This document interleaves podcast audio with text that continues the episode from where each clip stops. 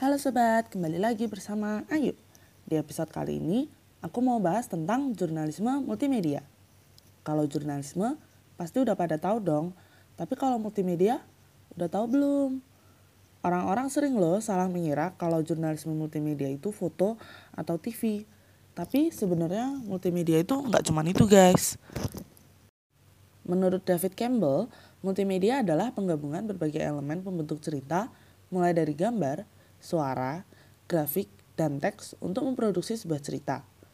Perkembangan teknologi sekarang memungkinkan para pekerja media untuk memiliki banyak jenis platform untuk membagikan ceritanya. Tapi asumsi kalau jurnalisme multimedia itu foto nggak benar-benar salah sih guys. Karena jurnalisme multimedia ini sendiri berangkat dari perkembangan penggunaan foto dengan medium lainnya. Begitu foto bisa diproduksi secara massal, penggunaan foto sebagai medium berbagai informasi langsung populer digunakan tidak melulu untuk menyebarkan berita aja, tetapi penggunaan foto dengan medium lain bisa kita lihat dari salah satu karya Nan Goldin pada tahun 1980 berjudul Ballads of Sexual Dependency yang menampilkan slideshow gambar dengan iringan musik. Penggabungan visual dengan audio semakin berkembang ketika CD-ROM mulai digunakan untuk film-film pada tahun 1990-an. Bahkan, CD-ROM saat itu telah diprediksi akan menggantikan buku sebagai medium presentasi gambar. Perkembangan teknologi gambar dan foto pun semakin menunjang kegiatan fotojurnalisme, terutama saat diciptakannya kamera DSLR atau digital kamera. Munculnya fitur video dalam kamera-kamera foto pun semakin memberikan pilihan kepada fotojurnalis dalam menyampaikan informasi. Dalam televisi modern pun, penggunaan foto tuh masih digemari apabila mereka harus menunjukkan momen penting suatu kejadian terutama kalau misalkan nggak ada foto yang mendukung.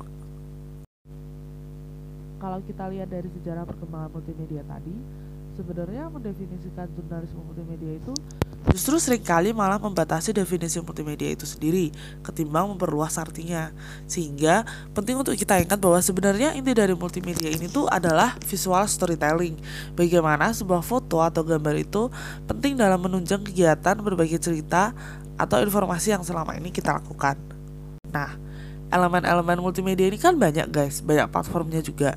Kita harus paham bener nih karakteristik tiap medium yang mau kita pakai untuk share cerita atau informasi kita.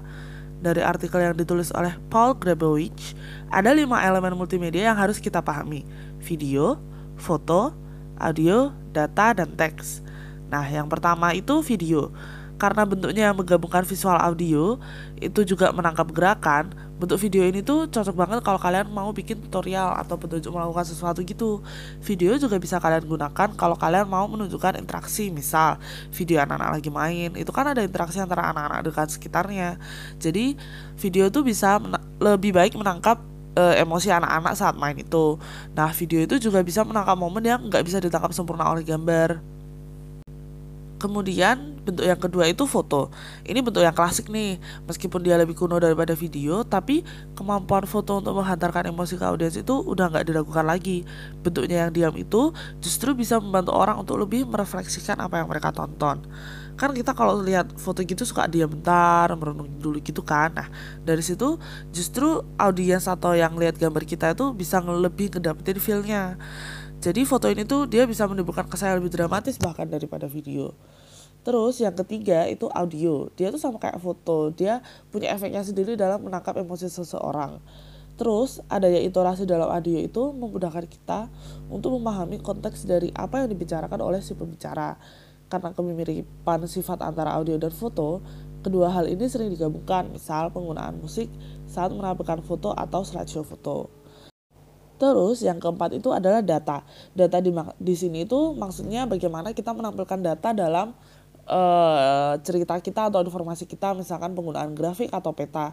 Nah, penggunaan grafik dan data ini cocok digunakan untuk menunjukkan hal-hal yang statistik dan hal-hal yang tidak bisa kita rekam langsung. Misalkan uh, dalam hal sains kayak perkembangan mikroba atau uh, tentang luar angkasa. Nah, itu kan kita nggak bisa buat langsung ke sana. Nah, kita bisa itu menampilkan dalam bentuk informasi atau misalkan charts atau diagram kayak gitu. Nah, terus bisa juga kita tuh pakai peta. Nah, penggunaan peta ini tuh dapat mempermudah audiens dalam memahami cerita yang misalkan mengandung lokasi geografis, misalkan e, persebaran penjajahan Belanda. Nah, data dan grafik itu juga dapat digunakan untuk hal-hal personal yang sering orang jumpai untuk dijadikan panduan. Nah, data dan grafik itu juga dapat digunakan untuk hal-hal personal yang sering orang jumpai untuk dijadikan panduan, seperti grafik perubahan skala. Terus yang terakhir itu itu lebih klasik lagi itu teks apabila cerita yang ingin kamu sebar itu mengandung banyak detail dan informasi penting menggunakan teks itu bisa menjadi pilihan yang baik karena teks itu uh, dia bisa dengan lebih baik memaparkan analisis-analisismu dan penjelasan-penjelasan rinci mengenai, mengenai suatu isu, misalkan pro dan kontranya. Kan uh, kalau analisis dan penjelasan detail itu kalau misalkan kamu hantar lewat foto atau kamu cuma ngomong itu orang bakal lebih susah untuk menangkap uh, informasi-informasinya karena ada terlalu banyak informasi ya kalau misalkan dihantar lewat medium lain itu malah nggak maksimal.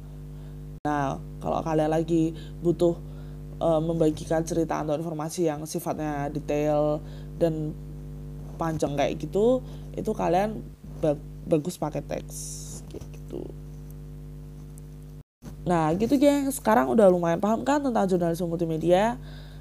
Ingat ya, yang penting kalau misalnya kalian mau bagi cerita itu jangan cuma dalam satu bentuk doang. Karena kalau misalnya satu bentuk doang itu uh, orang sekarang platformnya udah beda-beda. Kalian harus bisa memanfaatkan banyak platform itu untuk membagikan cerita kalian. Dan jangan lupa juga karakteristik cerita kalian ya, biar nggak salah share. Oke, tunggu ayo lagi di episode selanjutnya. Bye bye.